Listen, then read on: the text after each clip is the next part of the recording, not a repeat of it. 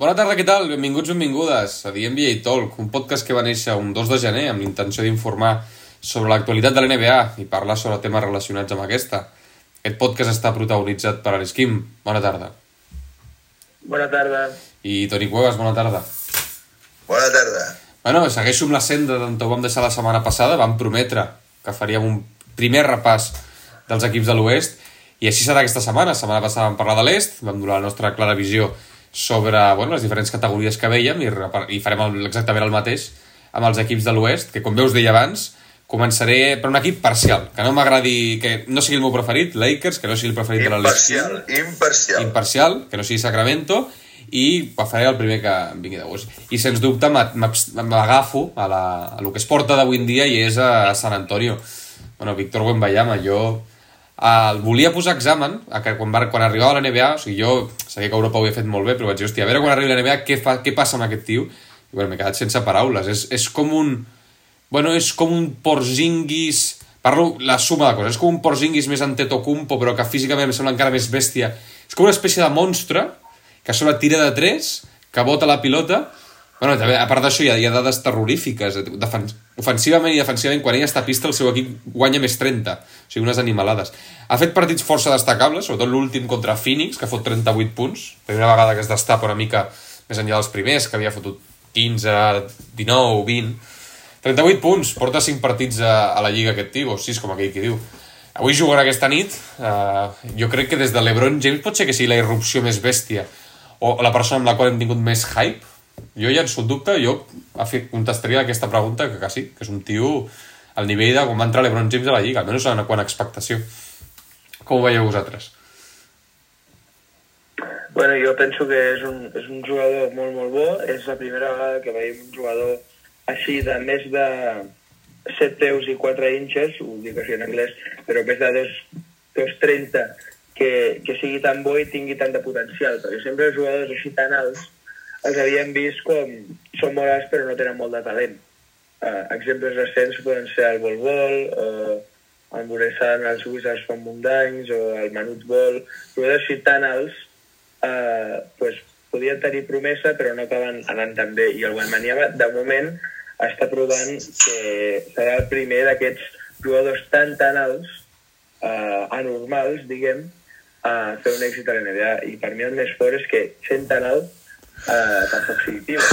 És un jugador superdinàmic i, bueno, si, si el que estem veient ara és la seva forma eh, crua, diguem, com sense, sense haver evoluït amb el temps, sense madurar, imagina't aquí uns anys el que podem veure en Miami.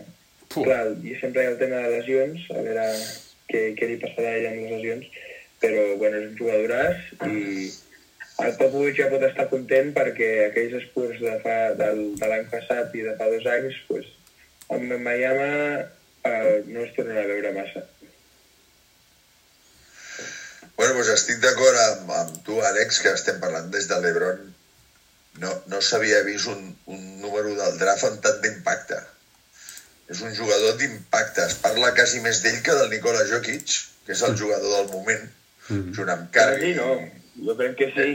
Vale. Que es parla més d'ell que qualsevol altre jugador. Es, parli més, es parla més d'ell que de qualsevol altre jugador. I això vol dir que ha causat impacte, no? No oblidem que Spurs és un equip pues, que, que, que ara fa patxoca perquè és un equip jove, un equip que, que, que, que té energia i ha aparegut pues, aquest, aquest fenomen. Això és un fenomen. Això és un regal de, de, de la natura pel món de l'esport, no?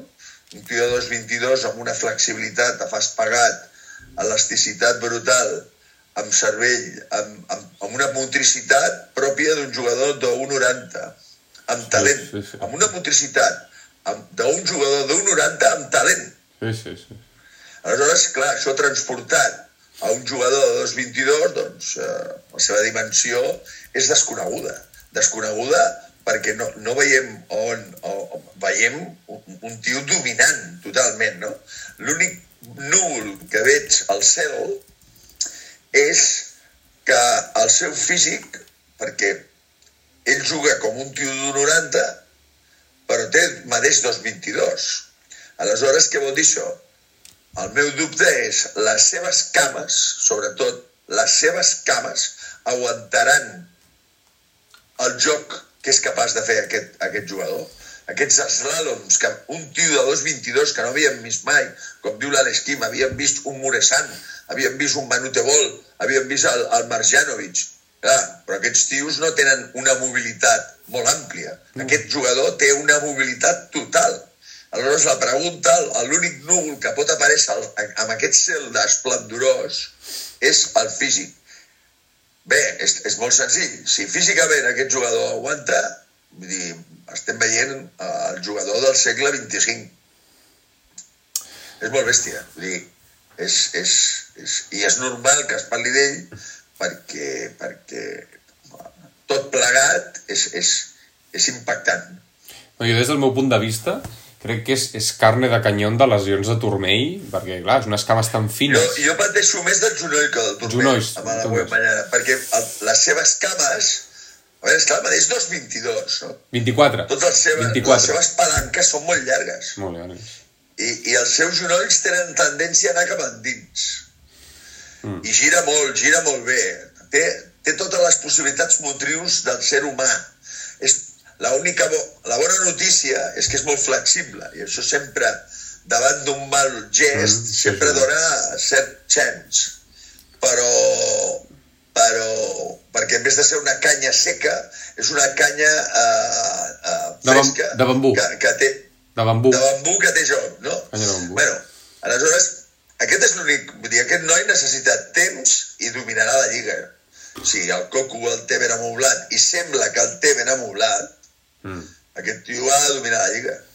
Clar. Però un cop es retiri Nikola Jokic. Això és una escala d'edats. De, de.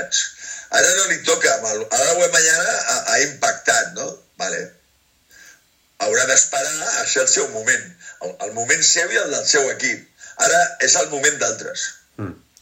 És que... O sigui, l'equip de Mañana no és candidat a l'anell. És un equip en el qual la gent de, de Sant Antonio disfrutaran, eh, ompliran el camp i allà on vagi aquest tio els camps estaran plens. Això està clar. És equip molt bon. Jo, mira, jo també em vaig sorprendre, i també si ho enllaço amb el proper, amb el proper equip, és, va, va sortir una foto, van jugar, com deia, contra Phoenix, Hòstia, aquesta foto que surt d'ell intentant taponar, no sé si és intentant taponar Durant o Durant intentar-lo taponar amb ell. Hòstia, he a pensar, Kevin Durant és un tio de 2'13 Increïble. Que a nosaltres ja ens al·lucina Kevin Durant, és un tio de 2'13 que té una mobilitat i, i tira des d'aquí dalt és impossible de parar, no? Però a sobre, el veus davant d'un tio com Wembayama i és que el Kevin Durant es veu petit i és algo que mai hagués pensat que hagués sortit de la meva boca. Kevin Durant es veu petit al seu costat. Sí, clar. És que clar, és és un 2'24, li deu 11 centímetres a Kevin Durant. Joder, déu-n'hi-do, déu-n'hi-do, És no? brutal, és brutal. Sí, sí, i en clau Phoenix, ara que treia el tema de Phoenix. Jo vaig veure la foto i vaig dir, joder. I de Phoenix, què en penses de l'esquim? Va, et deixo l'opinió de tu. Bueno, Phoenix, estem parlant d'un equip totalment diferent a Sant Antonio. Bueno, però en- enllaço, a veure com, com ho veieu vosaltres. bueno Esquim... Phoenix ha fet, ha fet un, que... un copiar i pegar. necessita- Sí, bueno, jo penso que el que necessita ara Phoenix és, és temps, perquè Bill encara no està jugant i és un equip, pues, és un equip difícil. Um, és un equip difícil perquè l'ha- l'han construït així molt, molt ràpidament i sense... I, i, i bueno, s'ha de provar aquest equip. I a més a més, ara que no està jugant Bill, pues, pues, bueno, jo penso que el que necessiten és temps. Uh, evidentment, el talent està allà. Penso que Nurkic ha estat una, una molt bona incorporació, que ja està funcionant bé a Phoenix, però per mi el que necessiten ara és temps, perquè crec que en els últims quatre partits s'han perdut dos o tres, que evidentment per un equip com el Suns, que és molt bo, és una mica... No, no és ideal, diguem. Però eh, amb temps crec que estaran allà. Bueno, el, el Duran està jugant sol. L'últim partit que he vist de Phoenix, Mm. que van perdre contra no sé qui, San Antonio, Ah. precisament, crec. a San Antonio, ja era Duran i sus muchachos. Vull dir, perquè el Bradley Bill no està jugant i el Devin Booker està arrossegant molèsties o ha, ha, anat, ha anat parant, no? I, i, I aquesta combinació ja no m'agrada. Que el veterano hagi de donar el callo al mes de novembre, no, al principis de novembre ja no m'agrada. Uh, com diu l'Esquim, necessiten temps, però necessiten temps amb els jugadors a la pista. Aleshores, uh, de moment el Bradley Bill encara no s'ha incorporat. Uh, llavors tens que desgastar a Kevin Durant, que és el que has de guardar amb Formol pels play-off. Perquè amb 35 tacos, igual que el Curry a Warriors, aquests tios ara pues, han d'anar fent i on han de donar la cara és a l'hora de la veritat. Si ara han de donar la cara, això és el que dèiem de l'Ebron fa dos o tres, fa dos o tres anys, doncs tem igual. Mm. Però aquesta és la mala notícia de Fènix, que necessiten temps i això no para. Sí que acabem de començar, però el Bradley Bill encara no ha aparegut. Nurkic per DeAndre Ayton. Bueno, ho valoraré ara mateix. Bueno, Nurkic no és res de l'altre món. Sembla ser més sèrio que el- que l'Ayton, però tinc dubtes de, de, de, de per què servirà. Ho veurem, al final ho veurem. Vale? Perquè al final l'objectiu d'aquest equip està clar que és l'anell, aquest és candidat a l'anell. Abans estàvem parlant d'un equip que, que s'està formant i que serà candidat a l'anell dintre d'uns anys. Aquest és un equip candidat a l'anell, no? I, i, i la cosa està cara, perquè, perquè hi ha equips joves, que després parlarem d'ells, que, que et poden guanyar en qualsevol moment, com, com Memphis eh, guanyava l'any passat a, a, a, a, al cafè el tonto, no? Aleshores, Sants ha fet un equip per guanyar l'anell, però no és fàcil. El copiar i pegar mm, ha sortit més malament al llarg de la història que bé. Sí, són, I, són, I podríem empalmar Àlex amb els Clippers, que és un equip similar. sí, és el que anava a dir. I són Vale. formats d'equips, Brooklyn l'any passat, o fa un parell, equips com els Però Clippers... Brooklyn va- va- van tindre problemes de lesions. Uh, bueno, uh, Clippers porten problemes de lesions darrerament amb, amb, amb Kawhi i Paul George. Ara han fet el mateix que Suns i han incorporat a James Harden.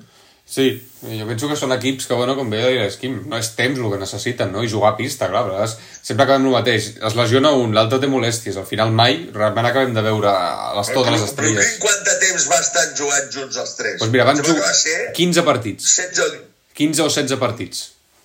Sí, Molt- molts pocs és, Molt és pocs. el que anava a dir. Molt pocs. És, el, el problema que va passar amb Brooklyn va ser això. I el Ah, que, el que quan estaven els tres junts era un espectacle. Mm. Llavors, el que desitgem dels Suns i ara dels Clippers també és que estiguin tots, que, que no comencem ja amb les lesions i no sé què, que es mirin a la cara, perquè jo, jo crec que poden jugar molt bé els Suns i que poden jugar molt bé els Clippers, però que estiguin tots, hòstia, Sí, sí, si afectes de, de, de, número, de, vas nom a nom, hòstia, és que les plantilles és per treure's el barret. Has juntat a quatre All-Stars, en el cas dels Clippers parlo. Juntes a Russell Westbrook, que... I, i a més a més, aquests jugadors, sobretot ara parlem dels Clippers, s'han de mirar la cara i, i han de dir ahora, ahora o nunca. O sigui, és a la hora o nunca pel Harden, Mm, pel Westbrook i pel Paul George. L'únic que ha, ha, ha guanyat anells aquí és el Kawhi, no? Que Kawhi, pues, és l'home tranquilo. mm, Però la plantilla està molt bé mm. i, i, i a més tenen el, el, el, el Highland, que, que cada vegada està jugant millor, Mm. que aquest és, és, és una qüestió que em, molesta una mica, no? Incorpores el Harden quan tens el Highland, que cada vegada ho està fent millor. Tipus Tyrese Maxi. Eh, eh, Ai, Aleshores, ara Harden es menjarà Ah. els minuts del Highland. O, o dit d'una altra manera, Highland començarà a jugar menys.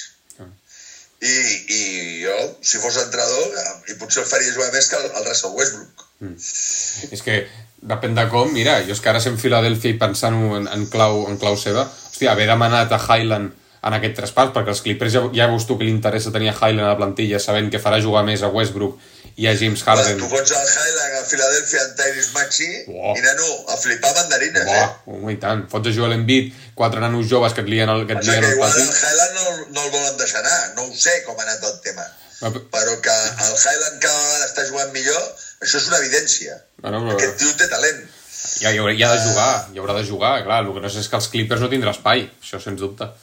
Bueno, uh, hem de veure com ho gestiona això l'entrenador. El Tyron Lue és un tio amb, amb seny, és un tio que sap de què va això. Uh, bueno, s'han de conjurar, aquests jugadors s'han de conjurar de, que, de fer el que faci falta per guanyar a l'anell. Mm. Aquests ja no han de mirar pels seus estadístiques individuals. Mm. Jo crec que el Harden, el Westbrook, el, el Paul George ja estan en aquest nivell, no? On la meva estadística individual és que si no estan en aquest, en aquesta, en, en aquest nivell, no poden guanyar l'anell. No. Han de cedir en bé de l'equip. Mm. Eh? I, i, i, i a part d'això... Ho saben fer si volen. Si volen, ho saben fer. I, i si van a lo, a lo important que els interessa als quartos, collons, són penya que ha guanyat molts calés a la vida, o sigui, ho tenen, ho tenen per, per, fer, per prendre aquesta actitud de, d'alegar-se i, i entregar-se a l'equip i aportar el que els hi demani l'equip, no? Perquè, vaja, el, el Harden acaba... No sé si és el Harden, el Paul George o el Kawhi acaba en contracte aquest estiu, per tant, és aquesta temporada o ja està, o perquè suposo que renovar-los la vinent algú s'hauria de baixar el sou i aleshores hi haurà discussions, hi haurà problemes i equips que oferiran més quartos. Per tant, Clippers, ara o nunca, eh? mai més ben dit. Més encara que fins i tot Brooklyn Nets en el seu dia. Veurem. Incògnita, incògnita. Veurem, veurem. Jo penso que a l'equip que han fet els Clippers està, està bueno, hauria de ser el millor, el millor de la Lliga perquè el Kawhi Uh, no és, és, és un jugador que jo penso que pot encaixar en qualsevol equip. El Paul George en el seu moment era, estava en la cursa per l'MVP, va, estar, va estar a punt de guanyar l'MVP el 2018, el 2019 amb el Thunder, i el Harden, pues, coneixem el Harden dels Rockets, que era un superbon jugador, i ara el nou Harden, que passa molt la pilota, i a sobre el Westbrook, que jo penso que el Westbrook s'ha tornat un jugador molt, molt, molt infravalorat eh, en el seu impacte per un equip, um, per causa del, del que va passar amb ell als Lakers i tot... tot bueno, però és que ho ha de demostrar a, a, a l'esquim, al final que ho demostri. El, el Westbrook ha de demostrar que està en un equip que funciona. Mm -hmm. Ah, la, la leyenda urbana del Westbrook es basa en que fa, des de que ha sortit d'Oklahoma, que allà on va no creix l'herba. Sí. sí. Ah, Sí, sí. I, I tenen... És el moment, eh? És el moment, eh? De que tots es mirin a la cara i diguin Kawai, ¿nos ayudes? O sigui, els tres han de mirar al Kawai i dir-li Kawai, ¿nos ayudes? Ah, tio, nosaltres també volem un anell. Ah, Bueno, i, i són, i són quatre que guanyarien molt res, respecte a la Lliga, també, clar, si guanyen un anell. Deies, deies, deies. No, anava a dir que aquests quatre, que és una oportunitat d'or, hòstia, perquè jugadors com Paul George, que els hem criticat molt, jugadors com Russell Westbrook, que els hem criticat molt, el mateix Harden, que se l'ha criticat força, hòstia, guanyar un anell... Oh, és que hi ha hagut motius per criticar. Sí, sí, sí, però més, faria respecte. Hi jugadors que no tenen anell, que no tenen anell i ara tenen l'oportunitat perfecta perquè els tres el guanyin. Mm. Uh, I tampoc és que envoltant d'ells no hi hagi jugadors bons, perquè el propi Terence, Terence Mann, que no ha aconseguit no canviar, el Bones Island és un reserva de molta qualitat que, com has dit, Toni, jo penso que hauria de jugar més, també. O potser que el canviïn per un jugador que, que és un jugador amb molt de potencial i potser poden aconseguir algú que s'hi aporti més. Igual és veritat, eh, jo penso que... En... Sí, no sé. Sí, potser sí, perquè l'equip està molt bo i potser el Highland no està en, en, en el temps correcte per l'equip. Però per mi ara com ara són, ah, si tu et mires l'equip, el millor equip de, de la NBA, i sincerament m'agradaria que guanyessin perquè el això està per veure el que, el, que, el que és el millor és el millor grup de jugadors de la NBA vale? sí. ara sí, veurem si això es tradueix en ser el millor aquí falta la química sí. bueno, ho, ho, ho, ho haurem sí. de veure eh? que ens ho demostrin mm. ah. sí Sí, sí, sí. Però bueno, sí. Uh, I, I si et sembla bé, Àlex, ara parlem... I si et sembla bé, Àlex, ara parlem dels Warriors, perquè també s'assembla aquesta història. Sí, potser una mica en, en decadència, no? També l'equip, Stephen Curry... Uh, no, jo no parlaria de decadència, jo veria, potser parlaria d'estancament, més que de decadència. Bueno, clar, és un, repeteixes la, fórmula... La decadència encara uh, no s'ha vislumbra. El que passa que incorporar a, a, a, a Paul jo, a Chris Paul bueno, pues és tan dur... Bueno, eh, per mi és més qüestionable que incorporar el Harden. O sigui, Chris Paul, hòstia, és, és molt gran ja, tio. Però ja surt des de la banqueta. Sí, jo estic d'acord. Sí. Bueno, però el Jordan Poole, no sé, jo, jo si a, a considerar el canvi del Jordan Poole, hagués fet servir el Jordan Poole com una peça per aconseguir un jugador millor que Chris Paul, perquè Chris Paul jo no crec que... Jo no, no li queda massa més i ja vam veure el valor que els Suns el van canviar, el van canviar per un sac de patates uh, cap als Wizards. Doncs jo penso que els Warriors no van fer servir bé el valor del Jordan Poole. Però tot s'ha de dir que el, el Stephen Curry és increïble, és fenomenal, és molt bo, i per això els Warriors de moment eh, estan, crec que primers o segons de l'oest. Ara, ara mateix no dona, eh? gràcies a Curry, que és verdó. No, el Curry, el Curry, és el que he dit abans, del, del Kevin Durant, exactament val pel Curry. Estem a principis de novembre, vull dir, aquesta gent uh, ja té 35 tacos, porta molta mili a sobre. Uh, no, no tenen que fotre 30 punts per partit ara. Els poden fotre, però no els han de fotre. Aleshores, on està la resta? El que està rendint molt bé a, a, a Warriors és el, el, el Dario Saric, que ha trobat un lloc... Bueno, clar, jo voldria estar al lloc de Dario Saric, també. Uh, Dario Saric s'ho està passant molt bé als Warriors, perquè està fent una tasca que amb els Warriors li va de conya, ¿vale? Aleshores, uh, els Warriors, el, el punt dèbil que veig és l'edat general de l'equip. I els joves, el Cominga no m'acaba d'agradar com a jugador de bàsquet. Per boles amb facilitat i no el veig un, un, un, un tio que a l'hora de la veritat col·labori. Veig que a l'hora de la veritat el Cominga no jugarà. En canvi, bones notícies és que Gary Payton Jr. Pues, torna a estar útil per Steve Kerr i, i és un tio pues, que, igual que Bruce Brown l'any passat amb, amb Denver, és un tio que valdrà a l'hora de defensar i a l'hora de, de, de, de col·laborar a, als play-off. Perquè quan parlem d'equips així hem de pensar en play-off. La fase regular és un tràmit que han de passar però han d'arribar al més frescos possibles i a més aquests equips veterans el repte encara és majúscul perquè arribin a playoff amb frescor i perquè el oeste està que peta aquí et venen un grup de xavals i et, i et destrossen No, jo em quedo, me, me, sobretot em, torno al tema Chris Paul, eh? perquè l'altra vegada l'altre dia parlàvem el tema de, dels salaris, que ho, par- ho parlarem en propers episodis, clar, és que el valor de Chris Paul és de 30 milions de dòlars el que està cobrant aquest equip. Voleu dir que per 30 milions de dòlars no es pot trobar algú a la Lliga amb més cara i ulls adaptat al format Warriors? O dit d'una manera, si vols quedar-te a Chris Paul, queda el més barat. El que, el que deia, el que deia de l'Esquim, jo estic d'acord amb l'Esquim.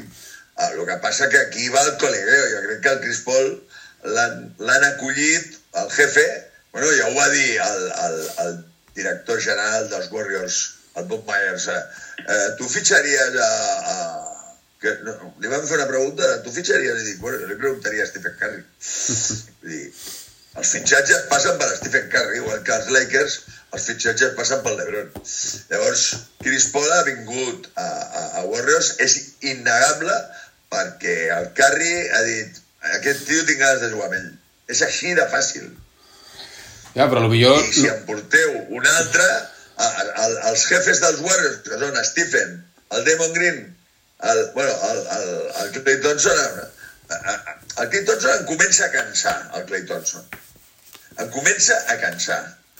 Ara que paro a Clay Thompson. Perquè, bueno, d'acord que tu vulguis signar, el, el club et dona un, el que et dona, tu vols el que vols. Però aquesta cara de gilipolles que fot, un tio com en Clay Thompson, amb el currículum de Clay Thompson, que, que el seu rendiment va justet, eh? Està allà, eh? Per això el renoven quasi a la baixa.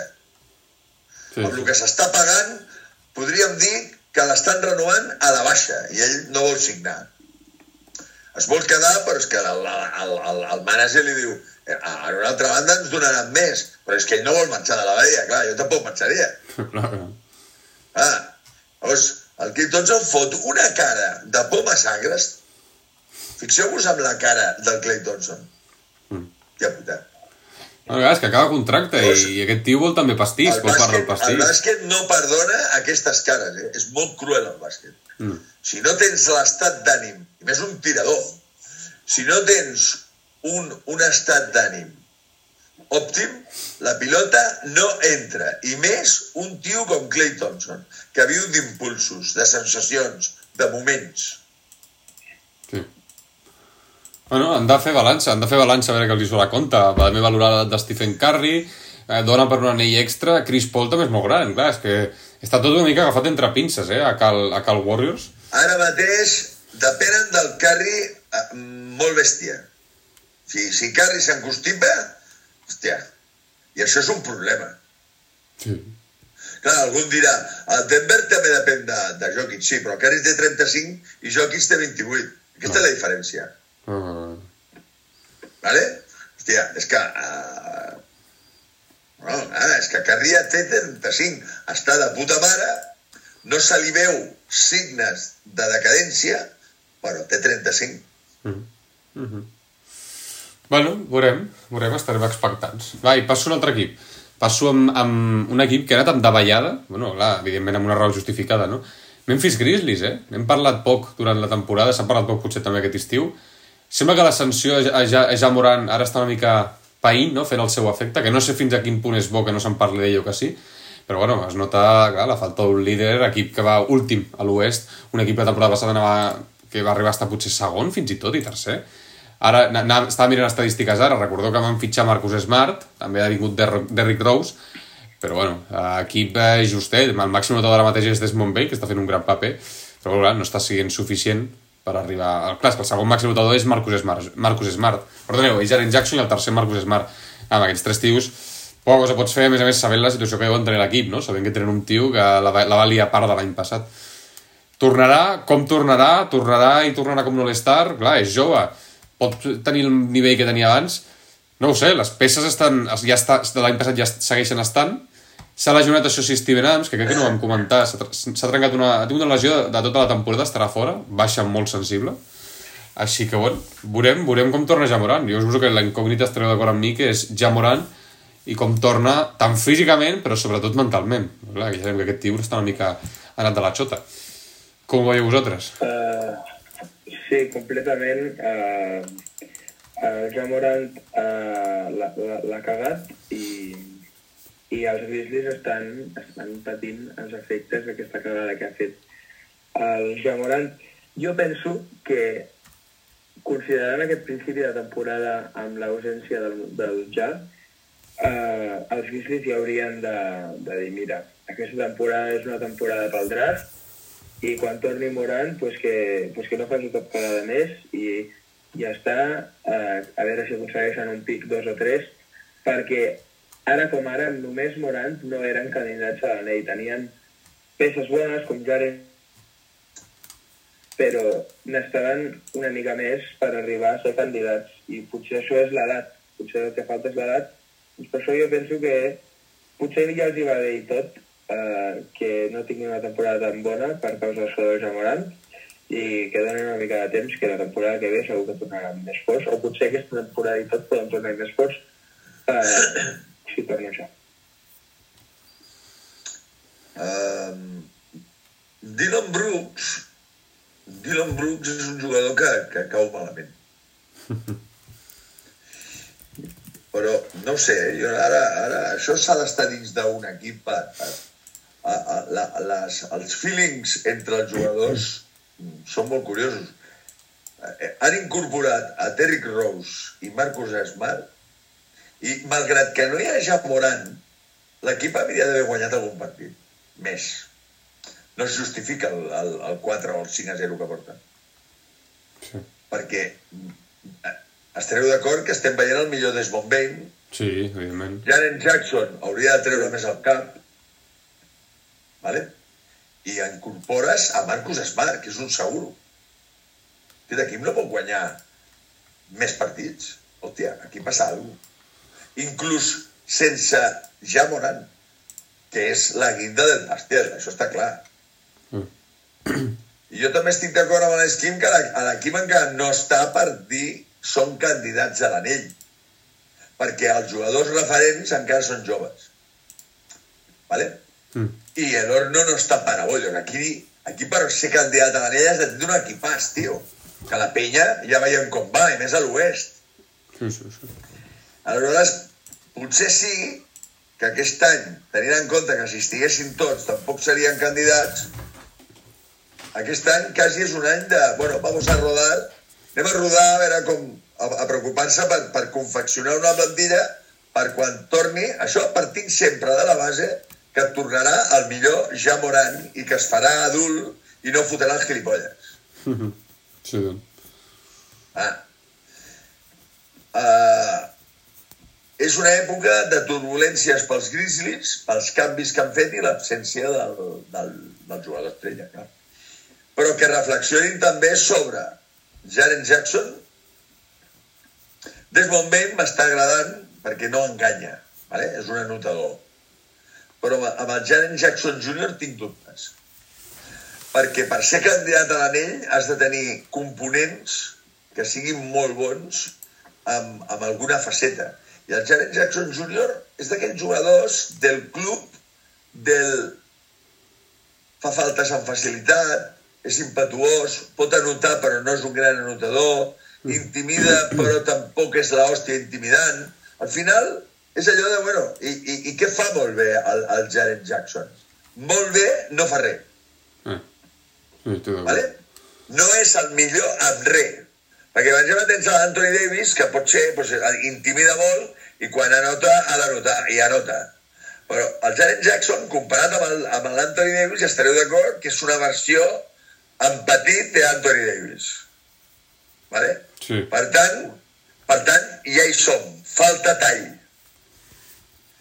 Perquè el Jaren Jackson no és com el Nurkic a, a, a, a Sants. Eh, juga un paper de... de, De bueno, és el segundo de a bordo. És el superclasse, vaja. Per tant, és l'Anthony Davis. Nene, puja, puja números, eh? I més ara que no està el, el primero de a bordo. I tant. Tant. Doncs pues no, fa els mateixos números. El que fa més punts ara és a, a Desmond Bain, que s'ho que tira tot. Sí. Ah, a, falta, a falta de, de, de, de gent que s'ho tiri, clar, s'ho ha de tirar ell. Sí, sí, és així, és així. Bueno, a veure quin futur els hi, els hi augurem amb aquests, eh, Hi ha turbulència. amb aquests Grizzlies. Sí, Jo sí. a, a meitat de temporada segurament hi haurà un gran canvi perquè tornarà Moral, però sí, a veure què passa, perquè, perquè és una incògnita enorme. De Veurem. totes formes, hi ha material, eh? Sí, sí. Ah, perdó, ah, m'oblidava.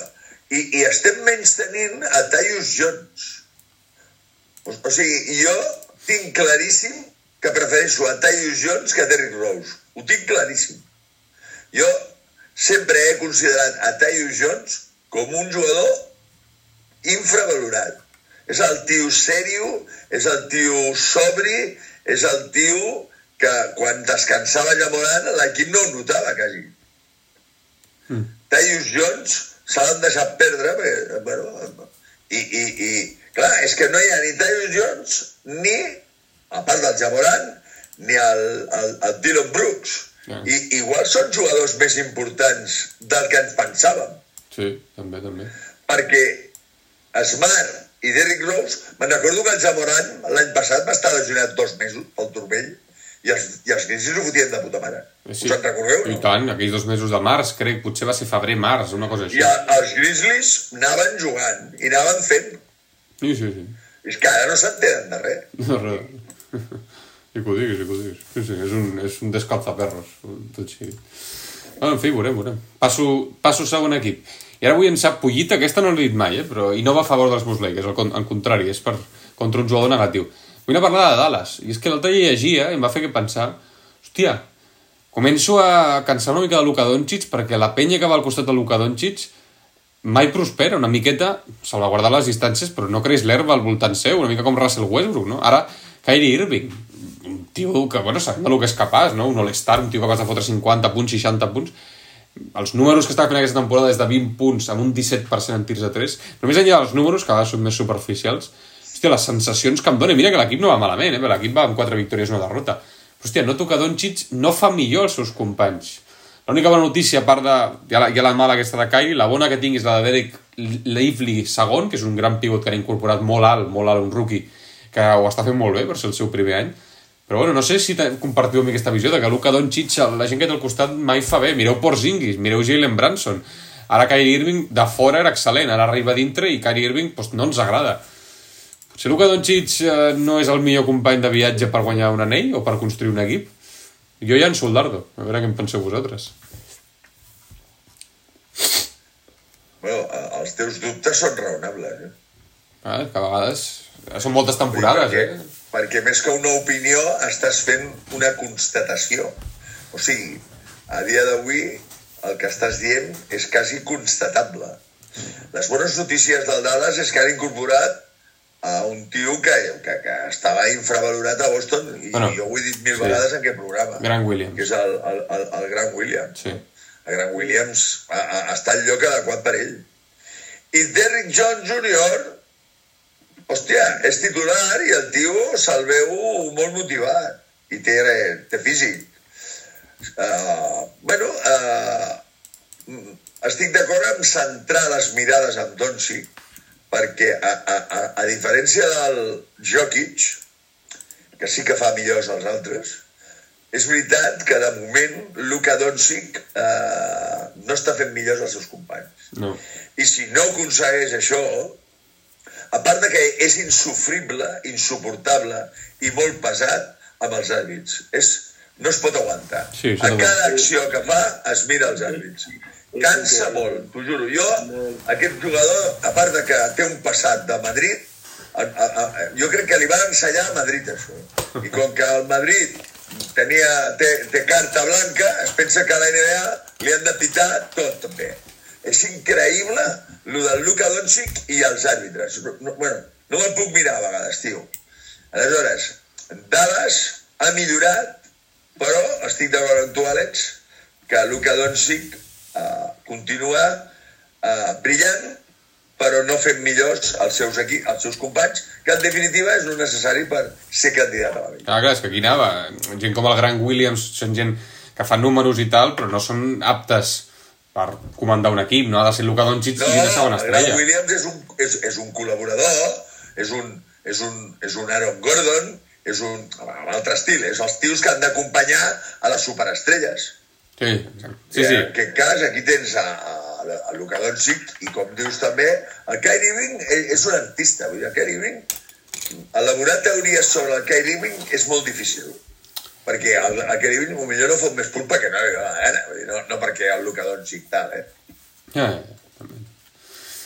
Jo, per mi, els Mavericks estan creant un sistema similar al dels Rockets eh, des del 2018 fins al 2021, amb James Harden i després intentant coses, intentant coses, intentant coses que fins ara no han funcionat, com per exemple amb Porzingis, amb Christian Wood, que teòricament havia de ser bo, i amb, ara amb el Kyrie pues, em recorda una mica pues, posar el Chris Paul o posar el Russell Westbrook amb el Harden.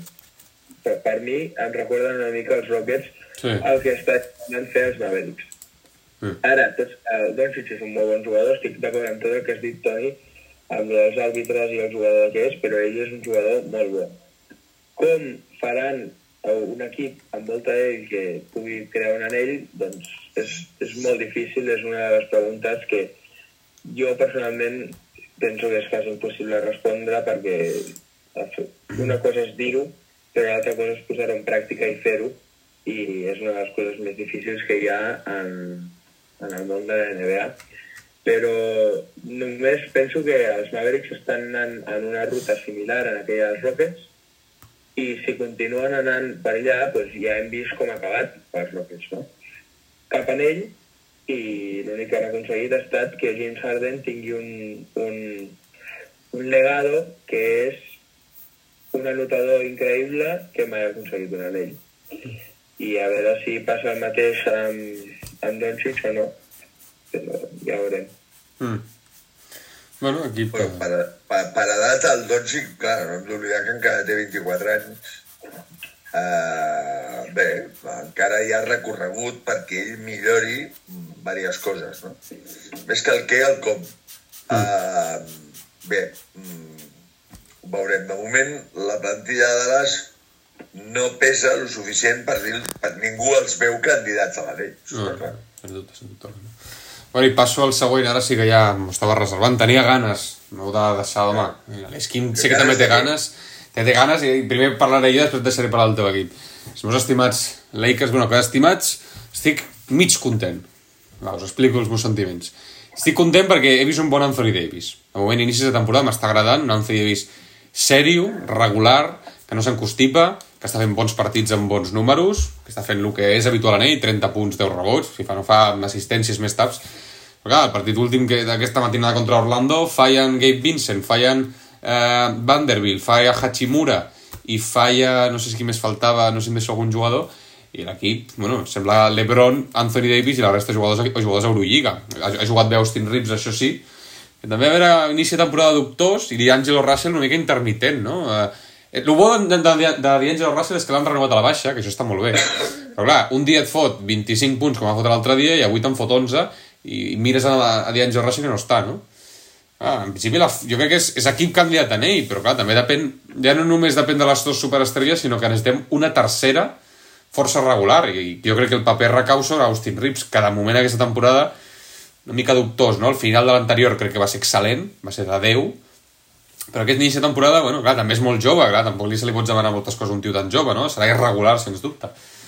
Però bueno, crec que falta aquesta tercera espasa, o potser és Hachimura la tercera espasa que necessitem, un tio que foti 10-15 punts sempre, perquè els altres dos sembla que no són massa fiables, no ho sé, no ho sé. Tinc els meus dubtes amb aquesta tercera espasa dels Lakers. Bueno, uh, jo penso que els Lakers han tingut la millor post-temporada uh, de, de la NBA amb Bueno, bueno, amb, amb tot el que han aconseguit, però bueno, Eh, però... amb el Vinci i tal, penso que han, han, han fet el seu equip molt més fort amb, amb això que diem del fons d'armari. I L'esquim... cada que amb super, super bons i que no paressin eh, al endavant.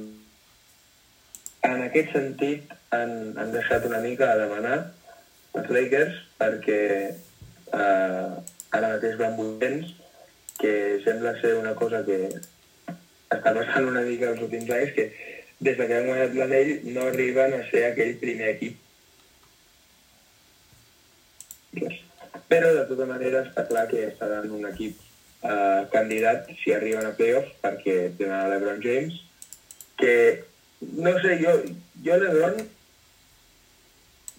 potser, potser està fluixant una mica, eh? Diria jo. No pot ser. El Lebron, jo l'estic seguint, jo l'estic seguint. El Lebron farà 39 anys. Ha perdut molt. Per això ho dic, eh? Bueno, ell que vol jugar amb l'altre fill, també, o sigui... Bueno, és igual. Eh, el que ell vulgui eh, està molt bé, però eh, no hem de... A, a veure, el primer de tot, valorem, si plau el rival. Aquí ningú regala res. El Lebron es pot cuidar el que vulgui, però el pas del temps és inexorable inclús per ell. El problema més gran que tenen els Lakers, senyors, és que l'Ebron James aquest desembre farà 39 anys. Aquest és el problema principal. Mm. Si l'equip està muntat sobre l'Ebron i Anthony Davis, el problema més gran que hi ha és els 39 anys que farà aquest desembre l'Ebron James. Això és un problemon. Perquè per molt bé que estigui el l'Ebron, per molt que sigui el jugador que amb 39 anys farà els millors números de la història, és un tio de 39 anys. I aquesta lliga no està per durar almoines a ningú. Aquí tothom entrena. Ahir a Orlando se'ls va menjar amb patates. Quatre nanos, però no amb el sentit de nanos joves, amb ganes, amb talent, se'ls van menjar amb patates. El LeBron James no podia amb Banchero. Però que és lo normal. El Pablo Banchero és un tio de 2'8", és un tanque que està en fase emergent. I el LeBron James està en fase descendent. I visca la joventut i visca eh, els canvis generacionals. Vale? Per tant, eh, Lakers té el principal problema amb LeBron James. Perquè no hem d'esperar que els altres... Els altres són els que han de guanyar l'anell. L'Ebron, ara, eh, a mesura que vagi avançant la temporada, no? 20 dels quasi 30, 30 i pico, eh, passem als 20, 20 i pico. I a més a més, perdem més boles I a més a més no m'agrada com ha adaptat el seu joc a la seva, a la seva edat. Comença, continua corrents com si fos un xaval de 21 anys. I no té 21 anys. Bueno, total, el fondo d'armari, com diu l'Alesquim, ha millorat. Però ara mateix tenim el Vincent, que el Vanderbilt, no sé què li passa, i el Hachimura, que està lesionat. Vale. Què queda? Queda Austin Reeves, que li comença a pesar el segon any sempre és el més difícil. Àlex, Lillo. Sí. El primer any ets, uh, el, uh, ets la, la novetat, tothom, oh, oh, oh, i el segon any acabes de signar un contracte important i la responsabilitat comença a pesar. Austin Reeves té responsabilitats i això el pesa, segurament. Sí, sens dubte. Vale? D'Angelo Russell sempre ha sigut això. Ja, ja ha renovat a la baixa. És un jugador que no has de refiar d'ell. Si refies d'ell, estàs perdut. Sí. Seguim. Uh, què hi ha més? Uh, qui hi ha més? Ah, Christian Wood. Christian Wood és un jugador, és una caixa de sorpreses. Té potencial, li dius, hòstia, aquest tio té bona pinta. Però al final va sumant, uh, ara perd una bola, ara fot un triple, ara, per exemple, al partit d'Orlando, entra el, el, el, no sé qui va entrar davant d'ell i en vez de fotre una xapa fot dos punts. Bueno, eh, senyor Christian Wood, què me, què me das? Ah. Sota l'aro és molt tou. Ofensivament encara, però de- defensivament és la mare de Déu de la Montserrat. Ah, llavors, a veure, mm, eh, sumes i l'equip li falta pes. Li falta pes perquè l'Horno no està per a bollos, tio. Si Memphis no guanya ni un partit, Sí, sí, sí. Orlando et passa per sobre. Els Thunder, que encara no hem parlat d'ells, vés a jugar contra els Thunder, a veure què et regalen. Els, els, els, els, els Denver, que estan en su momento, etc. Els, els Suns, que volen guanyar. Els Clippers, que ara ja veurem com... Hòstia, aquí, tio, o estàs bé o, o te vas al pozo. sí, sí, sí. I més a l'oest. Mm. Bueno, i ara que has dit el tema Thunder, jo volia parlar... Recordo que t'ho vaig dir l'any passat, quan, vas, quan va entrar Chet Holmgren al draft, vaig dir, aquest trio, i aquest tio m'ha agradat molt, un tio de 2'13, bueno, és la cara, a part d'un col·lega que ja coneixem, que es diu Shea Gilgus Alexander, equip, bueno, és que no, no a seguir, a més que a seguir, el Gilgus està eh, Chet Holmgren, està el Josh Gidey, hòstia, hi ha, aquí hi ha molta gent, eh? I recordem que tot això són rondes i rondes del nostre estimat amic Paul George, que dèiem que encara no ha guanyat una anell després de tot el temps que ha passat des del traspàs, eh? Bueno, el, el, el, el, el Doc Rivers, quan va fer aquest canvi, tenia una mosquerra a l'orella. Era l'entrenador de, de Clippers, Doc Rivers, Mm. i, i va haver de donar el, el Julius Alexander per Paul Jones i partits devia estar pensant, estamos cagando. I, I què li digui? Mi- Mira quin equip s'ha quedat ara, un equip, bueno, pff, els propers anys... Home, a mi em preguntes qui vols portar als Clippers com a entrenador o als Thunder i et dic claríssimament que porto els Thunder. Uf, i tant. Ah, És, que és, és molta gent bona i Chet Holmgren, alerta que també el rookie de l'any estarà molt, molt igualat, eh? Amb, Wembayama, em sembla un tio també de... Ah, Wembayama és molt gros. El dret aquest és el Wembanyama en 2-13. Exacte, això és el que anava a dir, que el, el Wembayama és gros, però que el Holmgren també és gros. Vull dir que ningú... Bueno, és un tio que juga de cara, que, que, que et fot un tap, que, que, que fot un triple, que té visió de joc. Mm. Els jugadors del segle XX i tants eh, són els nous jugadors. Mm. Per cert, el Wembanyama, en quina posició juga, Alexim? Què és, un pivot? Un, què és? Clar, Ah, jo no sé. ara us he No fotut, sé ara, si eh? és small, power, center... És que és un... Què és? Un, un què? Els bons no tenen nom. A veure si s'entera la, la penya que ens escolta i la gent del món mundial. El, el, el Wembanyama no és res, és un superjugador de bàsquet. No és ni pivot, ni dos, ni cuatro, ni cinco, ni uno, ni tres, ni, su, ni, su, ni 0,5. És un jugador de bàsquet. I el Holmgren, ai, el Chet Holmgren, que tinc problemes sempre per pronunciar aquest nom. Com es diu? eh, Chet? Chet Holmgren. Holmgren. Pues aquest, què és aquest? Un què? ¿De qué juega este? Este juega a baloncesto. Visca als jugadors de baloncesto, que no són nada, són todo. ¿Vale? I, i Thunder és un equip pues, per anar-lo a veure, per agafar un avió i dir anem a Oklahoma. I veiem aquesta penya que dius que juguen de puta mare. Sí, sí. Sí, sí, sí, és així. Excel·lent. Què, com ho veus tu, Oklahoma, Futur, Riskim? jo penso que ara Ara et parlo. el Thunder eh, estan en, en, una dinàmica, en una dinàmica increïble um, i, i, i serà un equip que arribarà a playoffs però en els pròxims dos o tres anys seran candidats a l'anell Bueno, descarat, descarat. que el general manager d'ells amb, amb tot funcionat eh, perquè és que tenen molts, molts, molts, molts, molts pics del draft Molt. i això al final acaba sent el que et dona canvis per superestrelles.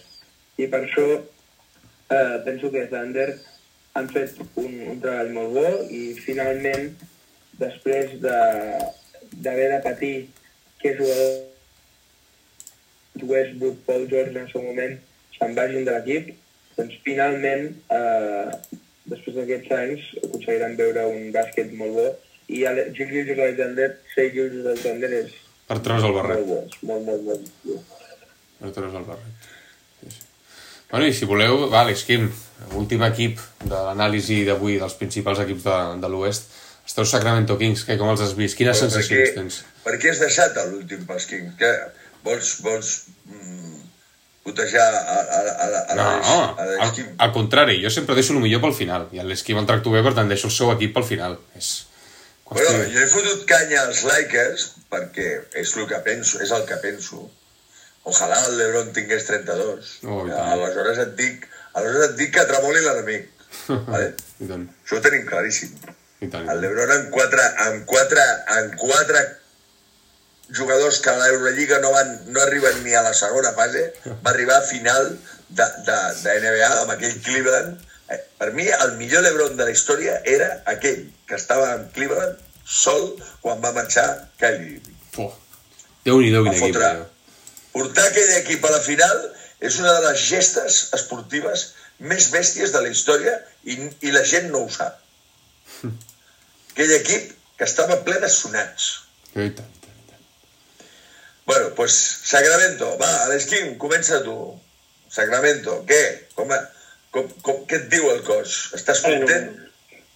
Et rasques el cap? Jo penso que s'han de canviar coses. Ara està lesionat els Fox i acaben Vale. de perdre contra els Rocs. Home, és que si no hi ha el Fox, carinyo, Sí, que- què m'explicaràs? És com si... Si no hi ha el Fox, equip a Eurolliga, eh? Com és, el, és, el, és, el, és el pal de paller. Això està més clar que l'aigua. Mm. Sí, però Fox eh, ha estat una superestrella, en la meva opinió. Eh, per mi, segurament, eh, segurament no és completament correcte, la meva opinió, massa fanàtic, però per mi és considerant que va fer la passada als playoffs i ara en aquests primers partits abans que es lesionés. I, bueno, si juga al Fox jo penso que els Kings poden aconseguir arribar, doncs, jo què sé, sisens, cinquens, sisens uh, als playoffs, perquè Keegan Murray està, està tenint una bona segona temporada, Sí, bé. I, bueno, els, els, els Sabonis també pues, és, és consistent, fora playoffs és consistent. Doncs, per això penso que poden arribar a playoffs, però més enllà d'això, em sap greu dir-ho, però de moment no.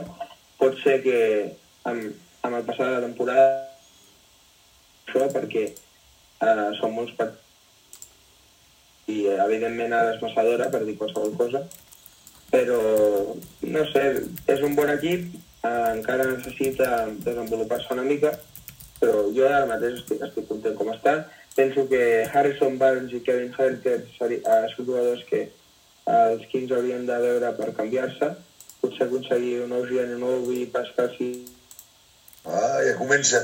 L'Esquim ja comença a somiar. Sí, exacte. L'Esquim ja comença a muntar el seu No, equip. Com li agrada, eh? Sí, sí. perquè són, són jugadors que des de sempre ja, els, el, bueno, des de fa dos anys estan sent rumorejats a sortir dels, dels Raptors, però sí, eh, amb Fox ara lesionat serà molt difícil perquè el, el base titular serà el Davion Mitchell, que és un bon jugador, però la seva virtut principal és la defensa i el que porta el Fox a l'equip és l'atac i els punts, és el que dona Fox als Kings. O sigui que per això segurament des, desaccelerarà un, una mica els Kings, però penso que igualment és un bon equip. Uh, Sí, la incorporació de Sasha Resen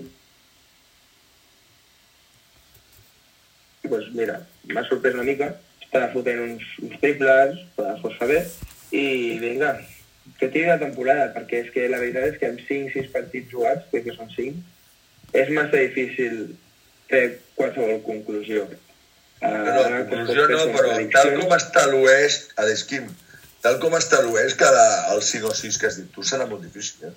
Molt. Fes un repàs mental de l'oest i, i, tremol, i, i començarem a tremolar, eh? Sí, però... Hi ha molta monstre que encara està dormit, Sí, eh? l'any passat l'Oest també estan així i els Kings van acabar tercer. Bueno, l'any passat, eh, l'any passat van aquí ser a l'equip acabar. Van ser l'equip revelació quan ningú comptava amb ells. Aquest any els focus ja, ja els tenen posats. És diferent, eh? És diferent la- l'enfoc psicològic d'aquest any. I a part de que a l'oest canvia. S'ha reforçat molt més l'oest que l'est. És més, han vingut jugadors de l'est cap a l'oest. Mm. Clippers, Sí, el, el Suns... bueno, ho vam dir a l'ep- a- a l'episodi passat, a l'Oest està molt, l'oest està molt salvatge. més fort que l'Oest. Està salvatge. A part hi ha els equips joves, tio. Ah, Estan els Thunder, que guanya els Thunder. Exacte. O mateix a Sant Antonio Spurs, que no són candidats, però que juguen a bàsquet aquests nanos. Vull dir que, que ja, ja a l'oest està molt car, molt car. Si ho tindrà negre, ho, ho, si Phoenix Suns ho tindrà fotut, si els Warriors que s'espavilin, els, els Lakers que tant. Aquí, vull dir, hi haurà hòsties. Hi haurà hòsties en el bon sentit de la paraula. Sí, sí, sí. Bueno, jo, si voleu posar la cirereta, jo crec que el problema d'Aaron Fox és un excel·lent jugador, això sense cap mena de dubte, però l'altre dia també ho parlàvem, no recordes, Toni, el tema dels salaris? Ah, que un tio com, com eh, Domantas Sabonis estigui cobrant 30 milions de dòlars aquesta temporada i, la, i no sé si les vinents arribarà als 30 pico... Als 40, arriba als 40. Als 40, oi, que dit? Clar, estàs destinant el sou d'una superestrella en un tio com és Domantas Sabonis, que està bé, que a mi no és un tio que, és, no és un tio que, em, que em, no m'apassiona, però tampoc és un tio que m'ha semblat dolentíssim. Però clar, no és un tio per la comandar... temporada passada va acabar, va acabar el top 10 de MVP Domantas Sabonis. Eh? Sí, però a mi l'MVP em diu Ja poc. sé si que a playoff no va Bueno, clar, la temporada però- regular, però- però... a, a, a, el Sabonis és, a, és el que he dit al Jaren Jackson, el Sabonis. Eh, Digueu-me una qualitat del Sabonis. Mira, el que més m'agrada del Sabonis és que se'l veu un tio de puta mare integradíssim amb l'equip i que a, a, a, és molt participatiu, ¿vale? El veig molt participatiu a la banqueta, al joc, vale. però més enllà d'això, amb un, amb un tio com el Sabonis no guanyes un anell, això us ho dic jo. Dir, home, no. Jo ho tinc claríssim, això. Vull dir, em, sent, em sap greu desil·lusionar de l'esquip. Però amb un tio com el Sabonis no només no guanyes un anell, no arribes lluny a la conferència oest. Més o menys. Se'l menjaran amb patates, que foteu conya. Bueno, és, pot ser, pot ser. Se'l menjaran amb patates. Patates, patates. Ja ho van fer la, la temporada passada, recorda que, Ah, que vol home, l'Uni el, home. el setè partit, que se'l menja amb rebot. Ah, i, I a part de... Vale, molt bé, suposant que uh, Fox, vale, Fox ja el tenim. Què més hi ha, Sacramento? Per... Bueno, doncs, l'any passat, perquè està, havia molt bon rotllo, va haver-hi feeling, però com dius, el Harrison Barnes, el, el, el Quartet i el Sabonis en playoff van punxar. Sort de Malik Mon, que és, és extraño elemento, que fot, a la que fotia 20 i pico 30 punts a la banqueta, Bo. el Sacramento guanyava. Guanyaven. Però Harrison Barnes, Sabonis i, i, i Quartet, suspensos, els tres, en playoff. Mhm. I bueno, tot i amb això, també van, la temporada, ara, al principi de temporada, bueno, doncs aquests tios els han de canviar. El Harrison Barnes ja tindria que estar fora. Harrison Barnes ja tindria que estar fora. Sí, Em va decebre molt el Harrison Barnes Sí, un tio... l'any passat. Sí, Però bueno, uh, uh, uh, veníem d'uns anys que Sacramento era horrorós, i l'any passat van fer una temporada que, que va alegrar la vista de tothom. Vale? Ara, passar al següent nivell és el més difícil. Sens dubte, sens dubte. Hauran d'haver-hi canvis, com deia, com deia l'Alex Quim, perquè, bueno, clar, l'Oest Clar, està... bueno, i les han d'encertar. És, és, que, eh, és que eh, és el que hem dit moltes vegades. La confecció d'una plantilla és l'art més complicat del món professional de l'esport. Mm. Encertar, substituir Harrison Barnes, però, eh, ha dit Olgi Anunobi, però no seria un mal fitxatge aquest, perquè l'Anunobi és aquest típic jugador que allà on va, funciona, és un tio sèrio, mm, no fot soroll, està allà, pues, un Harrison Barnes per Anunobi estaria la mar de bé. Sí, sí. I a més del Huerter, pues un tirador tipus... Ara em passaré. Uh, Catwell Pop. No, no està bé, està bé, no, no és descabellat. No és descabellat. és un tio fiable. Un tio fiable. Mm. En canvi, el Quenter ha demostrat que no és fiable. Sí. Sí, sí, sí, Sobretot sí. quan arriba l'hora... Clar, Catwell Pop, amb la tonteria té dos anells, la criatura. Ah, ah, ah. És com el Danny Green de les millors èpoques. Buah, quin gran jugador, tio. Aquest, el meu equip sempre, Dani Green. No, un shooter. Sí, sí. Ara, Bueno, doncs pues, pues molt bé, nois. Pues hem repassat eh, la, els grans els grans de l'Oest sense cap mena de, de dubte. Eh, jo crec que és molt més interessant que l'Est, estareu d'acord amb mi. Un, aquí... bueno, no hem parlat de Denver, però és el gran candidat, eh? Bueno, Denver ja ho dono per sentat, Bueno, és un equip que el dono per no sentat. Bueno, com que increïbles. Jo, jo ara el jugador que més miro és a Nikola Jokic. És el jugador del moment. És l'era Jokic. Sí, sí, sí. Curry i Durant estan ja, encara hi són, però ja estan començant a, a, a aixecar el braç. El Lebron està per fer números, el Lebron és molt ajudat. Està jugant perquè vol rebentar estadístiques. Mm. Perquè sap que no guanyarà l'anell. Està per rebentar estadístiques. I ara és l'era Jokic, és el jugador. I el futur, ja l'hem dit, el tenim a San Antonio. Sant Antoni. Però no a la banqueta, eh? A la pista. Sí, sí. A la banqueta no tenim el futur. No, no. A la, a la, a la banqueta hi ha el tio que catapultarà aquest. El, el que haurà guanyat un anell no serà Popovich, serà un altre. No, no, no vist el Popovich, que saps que és immortal. El Popovich no, no, no es Que morirà mai. foti el camp ja, que no té casa el Popovich. Però que, escolta, que no saps què va dir? Va dir, clar, diu, li van preguntar, diu, tu per què seguis entrenant? I va dir, home, perquè arriba a final de mes, miro l'ingrés que em foten a la nòmina i, home, i com per no, com per no seguir entrenant. Aquest tio ha de ser supermilionari. Alex Lillo, tio. Però pensa que deu ser d'aquests tios que s'avorreix a casa. Para tu pensar, un tio amb el Popovich, Que- potser es que- porta que- malament que amb la dona... Un cavall, que una granja amb quatre ovelles, uh, que no és avi, no té nets. A lo millor no. Ah, és americà, saps que els hi va aquest rotllo d'estar Una llar de foc, que llegeixi un llibre, no sé, que tingui un hort, planti quatre tomàquets, jo què sé. Ojalà, ojalà estar en la tessitura de, de, de Popovich, tio. Qui, qui pogués ser Popovich, oh, collons. O una desena part del que pogués, sigui. qui pogués entrenar a Víctor O Wembanyama. qui pogués entrenar a Víctor Wembanyama, ja ho pots ben dir, ja. Sí, sí, és així, és així. Bueno, doncs això, equips ara sí, eh? ara repassats tots els equips, o la gran majoria dels de l'Oest. Ah, ens ve molt interessant. El primer episodi potser fem el, del- dels salaris, que vam comentar-ho, que pot ser molt interessant parlar dels salaris de, de coses que ens al·lucinen, no? Els contractes així inflats i Bueno, contractes... sobretot el, els, les, les particularitats dels salaris, Sí. els desfases. Es nota que hi ha diferents agents i diferents, diferents directors tècnics que signen contractes. No sé, vull dir, eh, ara no, no em passava al cap. El, el, el, el, el que cobra Kelly Oubre Jr. i el que cobra a Kelly Oubre, per exemple, que està fotent una temporada de collons. Mm. I el que cobren Aleix, que cobren un paston i que no li arriben a la punta de la sabata al que li obre, no?